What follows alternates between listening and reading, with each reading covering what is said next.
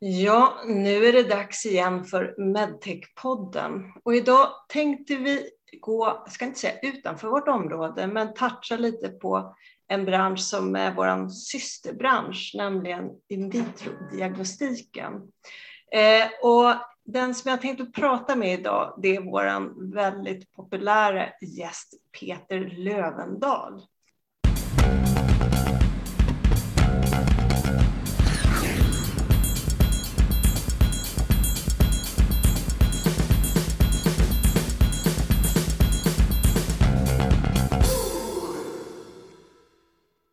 Hej Peter! Hej Anna! Nu ses vi igen och då handlar det naturligtvis om att vi ska prata lite regelverk. Eh, men eh, jag tänkte att vi skulle prata om ett annat regelverk idag, nämligen det som rör in vitro-diagnostiska produkter. Och min första fråga, eftersom det här inte är mitt expertområde, det är vad är det vi pratar om egentligen när vi pratar om in vitro-diagnostiska produkter? När man kommer till IVDR-regelverket som namn på det nya regelverket för just IVD-produkter så omfattar ju det eh, alla typer av produkter som gör in vitro-tester, det vill säga att man eh, tar ut någonting från kroppen och gör mätningar eh, och liknande utanför kroppen. Medan om man tittar på jämförande med MDR så pratar det om produkter som görs inuti röntgen, man tar en bild på existerande patient om man säger så. Så i princip tar ut olika vätskor och saker, prov från människan eh, och gör mätningar och kontroller utanför helt enkelt kroppen. Och det omfattar bland annat instrument eh, där man stoppar in prover. Man har reagenser, assays och liknande som används för att kunna behandla proverna och eh, säkerställa att man får ett visst mätresultat.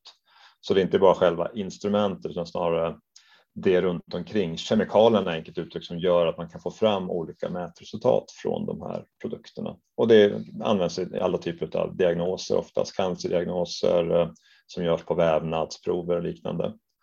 Så, det är en hel räcka med olika typer av produkter faktiskt. Men oftast att det är någon, någon form av kemisk eh, behandling av produkten för att få fram det resultat man önskar. Ja, precis. Och jag tror att många av våra lyssnare tänker kanske på covid-test när vi pratar om IVD-produkter. Det är något som har pratats mycket om det senaste. Ja, det är ganska enkelt att få, få koppla till nutid, så just att det, det, det finns ju både ja, olika områden också. Man har ju dels laboratorietester som görs på större kemlaboratorier, ofta på sjukhus i Sverige. Eh, men sen har du också självtester hemma som, som en egen liten gren kan man säga där man kan köpa på apoteket. De här regleras ju lite olika eh, beroende på vad de gör för någonting helt enkelt. Ja. ja, precis. Och de här produkterna regleras ju redan idag. Det finns ett direktiv som reglerar de här produkterna. Vad är det som kommer att hända nu när vi får en ny förordning? Generellt kan man ju säga att kraven blir mycket hårdare eh, åtminstone de formella kraven på man måste kunna visa vad det gäller prestanda i mätningarna, hur man når till de här prestandamätningarna, men också kvalitetssystemskrav och liknande. Så, så det, det, är faktiskt jättemycket förändringar för IVD-produkter mot vad det var tidigare. Sen har ju många av de eh, IVD-bolag som finns har ju naturligtvis haft mycket av det här på plats eh, för att det är svårt annars att bevisa rent kliniskt att hur en produkt fungerar om man inte har det på plats. Men eh, jag skulle säga att förändringen är ganska stor om man har följt minimiribban för eller gamla existerande regelverket om man jämför med nya regelverket så är det stora, stora förändringar helt enkelt. Betydligt större än vad det är för systerförordningen eh, för medicinskt produkter. Ja. Och varför kom det här nya regelverket och vad var det som var bakgrunden till det? Det är en eh, bra fråga, för om vi tittar på andra regelverk så var det med att vissa företag hade fuskat kanske med efterföljanden, medan på IVD-sidan så har man ju snarare tänkt för att det är gammalt regelverk och man tittar också lite grann på hur kan vi uppdatera för att följa med hur den övriga tekniska utvecklingen har varit. Så egentligen kan man säga att det, här berodde inte på att man hittade fel kanske tester och liknande, utan snarare så att man eh, titta på hur ska regleringen ske av den här typen av produkter och titta vad andra länder i världen gör, framförallt USA och Kina kanske. Eh, och faktiskt eh, se till att regelverket följer mer moderna sättet att se på saker och ting. Eh, där man helt enkelt reglerar mera men också mer i detalj styr kanske vad man behöver ha på plats. Gamla regelverket var ju lite mer fluffigt Eh, där det inte pekade ut exakt vad man skulle ha medan det här är mer, mer specifikt skulle jag säga. Även om det naturligtvis finns rum för tolkningar också så är det mycket mer specifikt vad man måste ha. Men då kommer ju frågan då. Nu, det här regelverket ska ju börja gälla fullt ut den 26 maj 2022. Det är några månader kvar dit, men eh, inte så lång tid. Hur ser det ut just nu? Hur långt har vi kommit med regelverket? Generellt kan man ju säga att de som inte har sålt på USA, Kina, Japan-marknaden innan har haft ganska mycket att göra ofta. En del företag har ju naturligtvis saker och ting på plats, men det är mer hur får man ihop det man har på plats till att kunna visa att man faktiskt uppfyller kraven. Historiskt sett kan man säga att för de flesta produkter som, som släpps ut i Europa har det varit en självcertifiering. Man har själv kunnat tyckt att nu uppfylla IVD-kraven i, i direktivet. Eh, Medans Medan med det nya regelverket så kommer merparten av produkterna kräva att något anmält organ är involverat. Och eftersom all, anmälda organ är delskyldiga att säkerställa att produkten faktiskt uppfyller kraven, att de, ska ju, de är själva ansvariga för att de faktiskt säger att de uppfyller kraven. Det gör ju också att eh, eh, detaljgranskningen ökar kraftigt och man tittar verkligen på att allting verkligen finns på plats och inte att man tycker att allting finns på plats. Så, så det är stor skillnad här och eh Eh, generellt kan man säga att mycket av testerna som finns ute idag kanske inte klarar den granskning som finns i, det nya regelverket idag. Så att säga. Då. Nu har ju naturligtvis eh, företag och liknande på sig ganska många månader att fixa till det här. Men det är ju mer kliniska tester och liknande som man kanske ställer högre krav på nu än man gjorde innan och det kan ju vara produkter som har funnits på marknaden i många år som faktiskt fungerar bra. Man måste ju också kunna visa det på papper helt enkelt. Ja, ja men precis. Och, och det här med anmälda organ, för vi har ju pratat om det i en tidigare podd, att det var väldigt brist på anmälda organ och många företag som kanske skulle få svårt när vi pratade om det medicintekniska regelverket. Men på IVDR-sidan ser det väl kanske ännu värre ut, gör det inte det? Ja, tyvärr så är det ju ännu större problem. Eh, eftersom eh, tidigare så var ju man kan säga 20 procent av alla IVD-produkter, till och med mindre, kanske 10 procent av IVD-produkter krävde ett annat organ innan.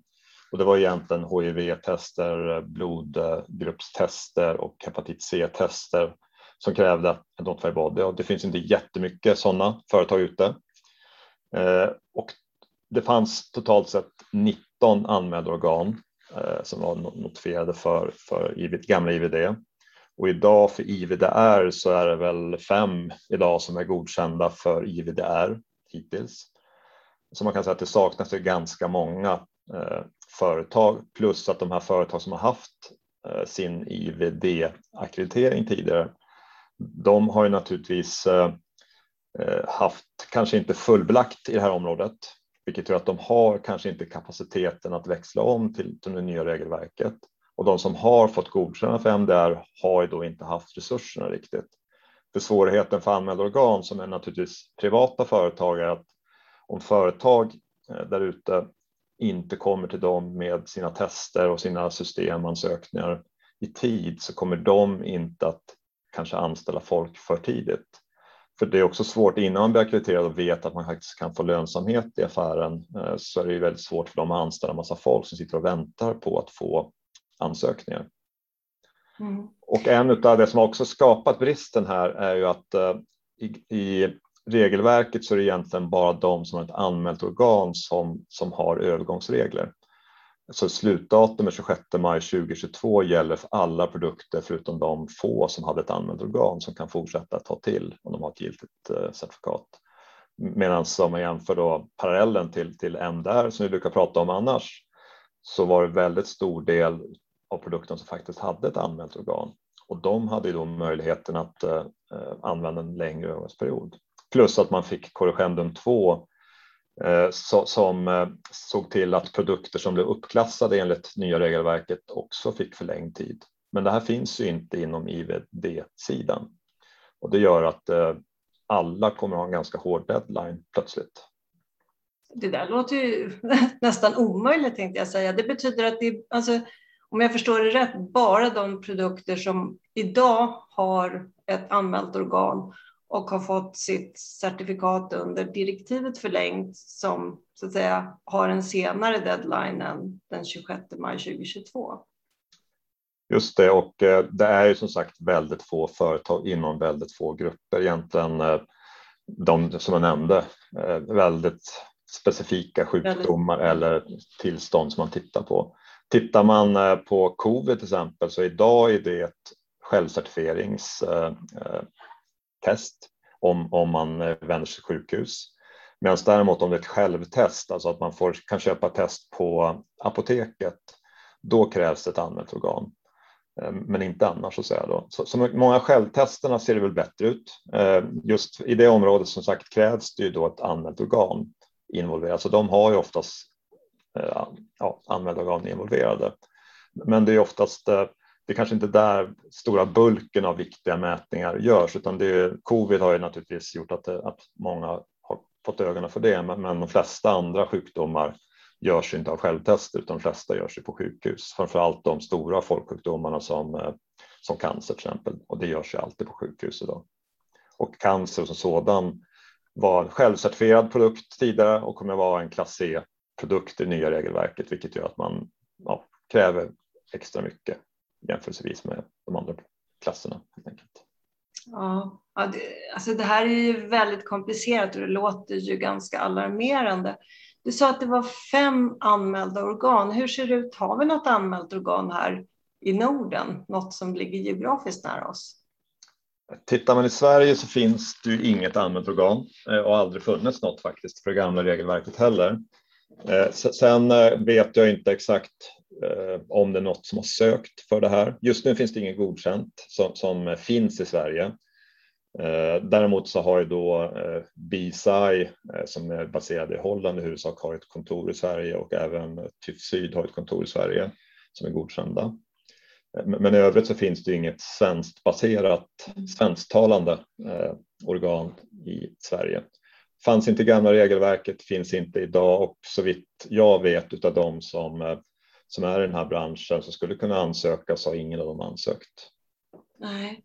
Nej, för att det är väl ändå så att i och med att det är så väldigt många fler som kommer att behöva så kan man anta att det är en hel del eh, Eh, små och medelstora företag som nu börjar söka anmälda organ. Och, eh, när det bara är fem att slåss om i Europa och inget av dem ligger i närheten av hemmaplan så underlättar väl inte det antar jag? Nej, det, det är rätt svårt och framförallt så har ju då eftersom Motivated Bodies är väldigt fullbelagda så har de olika regler för hur man ansöker också. En del kräver att man ska ha en fullständig teknisk dokumentation och lämna in när man ansöker för att visa att man faktiskt har saker på plats. Och det har ju med saken att de får ju väldigt många inkompletta ansökningar som de får lägga tid på som kanske inte leder någonstans. Eh, liksom andra notified bodies inom andra områden så har de också fört in att eh, man får tre omgångar med frågor. Sen blir man utslängd av processen för att ansöka igen, ställa sig sist i kön. Så att det finns ju också den här risken att om det blir för krångligt så, så blir det svårt. Och det har också att göra med att de har ju inte haft den här kompetensen på många områden tidigare. Plötsligt så var det, det var ju vissa områden de hade eh, kompetens på inom hepatit C, HIV, blodgruppering. Det var där de hade sina branschexperter på något Plötsligt ska de ju täcka jättemånga områden. Så de har ju också haft en väldig uppförsbacke att skaffa kompetensen för att kunna bedöma de här produkterna. Och det är väldigt, just diagnostiska tester är oftast ganska specifika områden som man måste förstå. Det är svårt att ta en blodgruppsanalytiker eh, att titta på cancerprover för det är rätt olika saker man tittar på. Ja, men naturligtvis. Jag vet, jag såg det, vår europeiska branschorganisation Medtech Europe hade gjort en undersökning bland sina medlemsföretag inom just IVD-sektorn.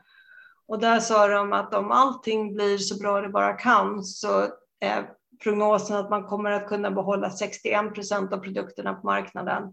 Men om det fortsätter som idag så då hamnar man på ungefär 24 procent av produkterna. Då pratar vi om de stora företagen. Hur ser det ut för de mindre företagen? Hur förberedda är de på det här? Jag skulle säga att de stora i dem, de har ju förberetts under många år för de har oftast resurserna att göra det här. Eh, så att om, om det ser ut så för de stora företagen så ser det betydligt sämre ut för de små företagen skulle jag gissa. Och anledningen är ju ett att man kanske inte haft råd att förbereda sig, men också den stora delen att om, om en anmält organ väljer mellan två företag, ett stort företag med många produkter, möjligheter att tjäna pengar så att säga, eh, ytterst. Eller om man, om man då väljer mellan ett litet företag som en nischprodukt. Ett så är det svårare att hitta en branschexpert för just den här nischprodukten troligtvis. Medan de stora har de flesta produkterna text och det gör ju också att return of investment för, för Notify Bodyn blir ju rätt stor skillnad på ett stort eller litet företag. Eh, för ytterst ska ju de också överleva som företag så de måste ju välja de kunder som faktiskt de ett ser att de kan, kan eh, hantera produkten men två också vilken ger dem mest eh, business i framtiden helt enkelt. För, för någonstans är det ju det är en fri marknad, det är så systemet är uppbyggt och då, då får ju de välja naturligtvis. Ja, ja eh, det låter lite deppigt om man är ett IVD-företag i ganska tidig fas och ska introducera produkter på marknaden just nu. Det är ganska mycket problem man har framför sig som det låter. Jag tror den viktigaste delen här är ju att man eh, om man har gjort sin hemläxa, har saker och ting på plats så låter det som att det kanske kommer dyka upp en del luckor och sånt Bodies. Och anledningen är ju egentligen att eftersom många inte har saker och ting på plats så när de gör sina ansökningar och kanske inte kommer vidare för att de inte hade grundläggande saker på plats så kommer det sitta personer hos Notify som kanske inte har så mycket att göra just den veckan. Så har man saker och ting färdigt så ökar ju chansen att man får igenom det här ändå så att säga då. Men jag ser det som en jättestor risk att det blir förseningar och enda sättet att hantera det kortsiktigt är naturligtvis att bygga upp lager hos sjukvård och liknande där det går. Men eftersom de flesta av de här testerna har en form av eh, sista, sista förbrukningsdag och en del har ju kortare än andra så det är inte säkert man kan bygga upp så långa eh, lagringstider i sin distributionskedja. Ja, och jag, alltså jag funderar också på det här nu. För det finns ju massor av produkter på marknaden idag. Eh, de som är godkända och kan användas idag, du menar att det är inte självklart att de produkterna kommer att finnas kvar efter 26 maj, eller? Nej, i praktiken så som det ser ut nu så är då icke CE-märkta IVDR-produkter får ju de inte vara kvar på marknaden. Man får inte sätta dem på marknaden så att säga, vilket innebär att man får ju inte då Eh, från det datum får tillverkaren inte sälja den här produkten till distributörer direkt till sjukhus, utan, men däremot så får ju de produkter som är satta i äh, distributionskedjan fortsätta säljas. Så om man väl har sålt ut det här till en distributör så får ju de fortsätta sälja de här produkterna fram till maj 2025. Och där är deadline, efter det får man nog inte sälja vidare så att säga då. Eh, man får ju använda, alltså sjukhuset köpt dem får ju de använda dem vidare, men däremot som distributör så får man inte fortsätta sälja dem. Så det som man kan se nu, framförallt kanske då för företag som är lite större etablerade, det är att man lägger upp stora lager inför 26 maj för att kunna fortsätta att förse marknaden med produkter, eller? Troligtvis så om man har dotterbolag i varje land som de flesta bolag har, då kan man ju då sälja ut det här till sitt dotterbolag i ett annat land så man bygger upp lager där. Naturligtvis så vill ju egentligen inget företag bygga lager för det finns ju risker med det naturligtvis. Mm. Det kan ju vara så att ett, att man inte kan skeppa ut produkten för att eh, expire date är för, är för snabbt. Men det kan ju också vara så att det kommer en annan test som plötsligt blir populärare som man inte kan bli av med dem helt enkelt. Så, så det, bygga lager är kortsiktigt del eh, och troligtvis får man ju då enligt regelverk får man inte bygga kanske för stora lager. Man får kanske inte bygga liksom tio års förbrukning och skippa ut så att säga då, utan man, man, eh, man säger att man ska ha normalt normala lager egentligen. Men någonstans enda sättet att hantera är att bygga lite större lager för vissa typer av produkter. Men som sagt, det är jättesvårt att veta hur, hur det ska fungera. Och tar man då parallell om, om, om pandemin hade kommit eh, i maj nästa år istället för när den kom, då hade det krävts ett anmält organ ska godkänna de här testerna innan det kommer ut på marknaden. Och med tanke på att handläggningstiden troligtvis är någonstans mellan 3 och 12 månader eh, så kan man ju se det som att det skulle ta betydligt längre tid. Eh, men även i det här regelverket så har man då byggt in en form av eh, säkerhetsmekanism som gör att myndigheterna kan ju godkänna icke CE-märkta produkter om, om de vill för nationens hälsas skull. Så att säga då. Men det är en svårare process. Eh, man kan säga att mycket av de här snabbtesterna och liknande som kom skyndade sig på på grund av gamla regelverket. Det var självtest när tillverkarna tycker att produkten är tillräckligt bra kunde man börja distribuera produkterna och där sparade ju garanterat Europa väldigt mycket tid. Ja, många det, liv också, får man väl anta. Ja, antagligen, och där kan man ju säga jämförelsen med, med USA där FDA ändå var ganska snabba så, så kanske man förlorar en till två månader i USA mot vad man fick i Europa och en till två månader i en sån här pandemi kan ju vara jättestor skillnad på antal liv. Ja, äh, jag måste säga att det knyter sig i magen när vi pratar om det här. Det känns inte alls särskilt bra för att eh, den situation som vi befinner oss i nu känns ju ganska tröstlös. Vad är det vi skulle behöva tror du för att den 26 maj 2022 ska kunna passeras utan att det verkligen blir effekter både för vård och patienter? Det är ytterst naturligtvis eh, som vad som hände för MDR, att man fick ett års respit eh, i och med pandemin. Nu har jag inte hört några rykten om att det skulle vara sånt på gång. Det kan ju ändras fort naturligtvis. Eh, men jag tror liksom att antal not fair bodies, om man inte notified bodyn är redo att bli godkänd den här veckan eller den närmsta månaden i alla fall, så kommer det inte påverka kortsiktigt jättemycket. Naturligtvis kommer produkten upp lite senare, men, men för att hinna med för anmälda organen så säger de flesta att de behöver ha tekniska dokumentationen i oktober i år för att hinna till, till maj nästa år. Och det är inte lång tid kvar. Naturligtvis om det kommer nya anmälda organ så kommer de kunna ta kunder och förhoppningsvis kanske de har byggt upp en organisation innan. Men sagt, det är väldigt få som bygger upp den organisationen. Så egentligen, ja, det enda jag kan se som hjälp i situationen är någon form av politiskt beslut. Jag kan inte se att eh, själva processen och det som finns runt regelverket och sådant kommer att klara det på ett bra sätt. Det kommer att bli problem med något område i alla fall garanterat och troligtvis ganska breda områden är jag rädd för. Ja, och, och, som du nämnde lite tidigare i, under MDR så fick vi det här korrigendumet som eh, gav övergångsregler för produkter som uppklassificeras, alltså produkter som inte hade ett certifikat tidigare för att de låg i klass 1 när vi pratar medicinteknik. Skulle det göra en, en, stor skillnad om man skulle få en liknande övergångsmöjlighet? Vad, vad skulle det innebära?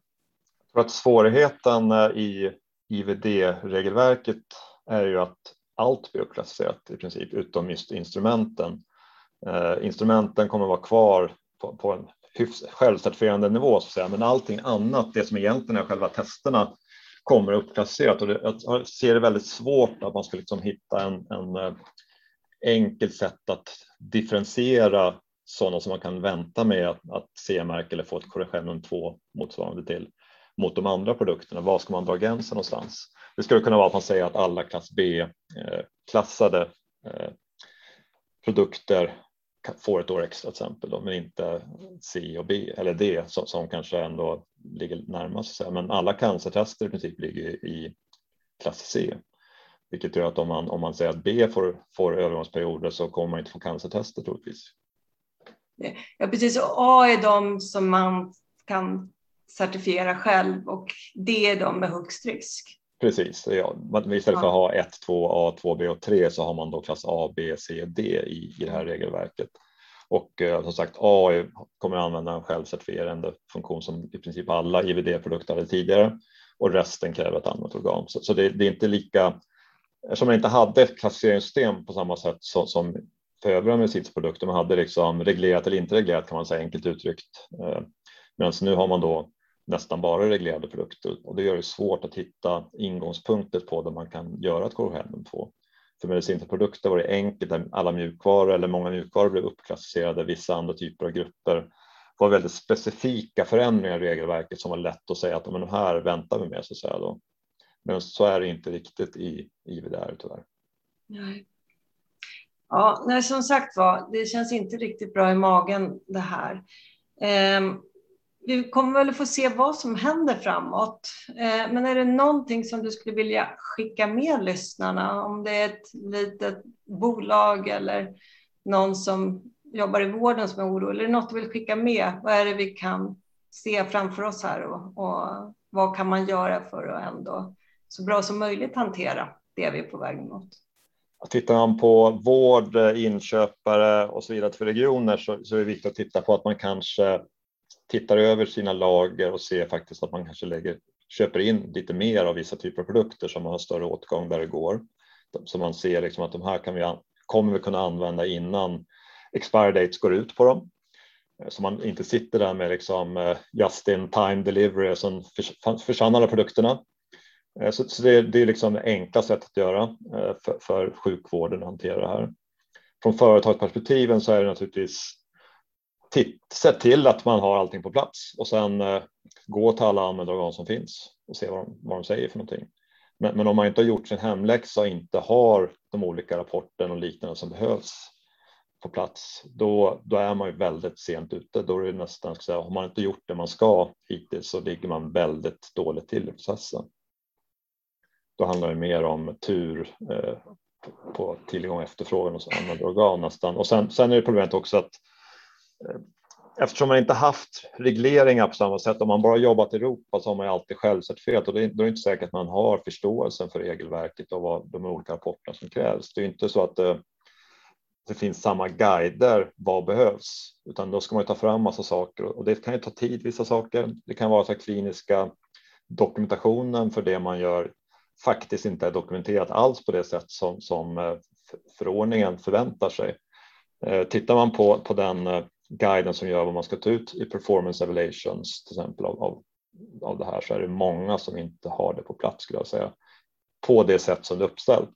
Det innebär inte att, att produkten som sådan är farlig eller dålig utan det är snarare så att på det sätt som anmälarorganen vill se rapporterna så är de inte uppställda och det är inte alltid man har tillgång till den dokumentationen som man kan ställa upp det på det viset. Så, så det, det, är liksom en typiskt en övergångsperiod där man höjer ribban för vad de kan acceptera för dokumentation. Och eh, eftersom de har många kunder, många företag som kanske gjort sin hemläxa, kommer man då med någonting som inte ser ut så som de förväntar sig så får man väldigt många frågor. Och eftersom tre frågor rundar får man söka om så går det ganska fort att komma till det så att säga. Att man faktiskt får ansöka igen. Och det är inte gratis heller utan man kan säga att kostnaden för det här går ju upp naturligtvis. Ja, men det tipset till eh, vården och upphandlarna är alltså se till att ni har lager när det här närmar sig. Och tipset till företagen, se till att ni verkligen är förberedda. Även om ni inte har ett anmälda organ idag så måste allting finnas på plats så att ni kan nyttja den lilla öppning som kanske kan komma hos ett anmält organ. Och alternativvägen här är naturligtvis att man tittar på andra marknader där man kan eh, sälja under tiden man jobbar för IVD är uppgradering. Så att det kan ju också vara ett sätt att man går kanske parallellt med olika marknader för att se om det är någonstans man kan faktiskt eh, fortsätta sälja, åtminstone få möjlighet till att få den data man behöver till de här produkterna. Det kan också vara så att om klinisk utvärdering, om man kommer för långt in i tiden så kommer det krävas ett annat regelverk som träder i kraft som är just de kliniska utvärderingar och, och eh, etiska godkännanden och liknande som också ändrats och de finns i Sverige finns de föreskrifterna utgivna redan så kan man ju se hur det påverkar också tidsaspekten. Eh, men då, då kan man också få den här datan kanske från andra länder där man faktiskt kan godkänna produkter med externt system. Jag har en känsla av att vi behöver göra en till podd och prata lite om eh, performance och kliniska utvärderingar och, och andra frågor. För frågorna vad IVDR innebär både för vården och för företagen, de kommer vi att brottas med ett tag framöver. Eh, men det var jätteintressant att få den här introduktionen idag. Eh, och jag hoppas att kunna få bjuda in dig igen och prata lite mer om de här frågorna framöver. Det går naturligtvis jättebra. Det är naturligtvis mina hjärteämnen, hur man hanterar regelverken, hur man säkerställer att man faktiskt får tillgång till marknaden som både företag, men, men framför allt kanske som, eh, som vi alla, någon gång kommer vi alltid vara patienter, bli patienter i framtiden och då vill man naturligtvis att vi ska ha den bästa sjukvården och eh, ett sätt att säkerställa det är ju naturligtvis att åtminstone uppfylla regelverken. Det är liksom minimiribban egentligen för, för att finnas där ute. Och eh, bästa sättet för det är att folk förstår vad minimiribban är. Så det är hjälp till självhjälp som jag brukar säga. Ja, men det, det är väl bra slutord tycker jag. Stort tack Peter. Tack så mycket.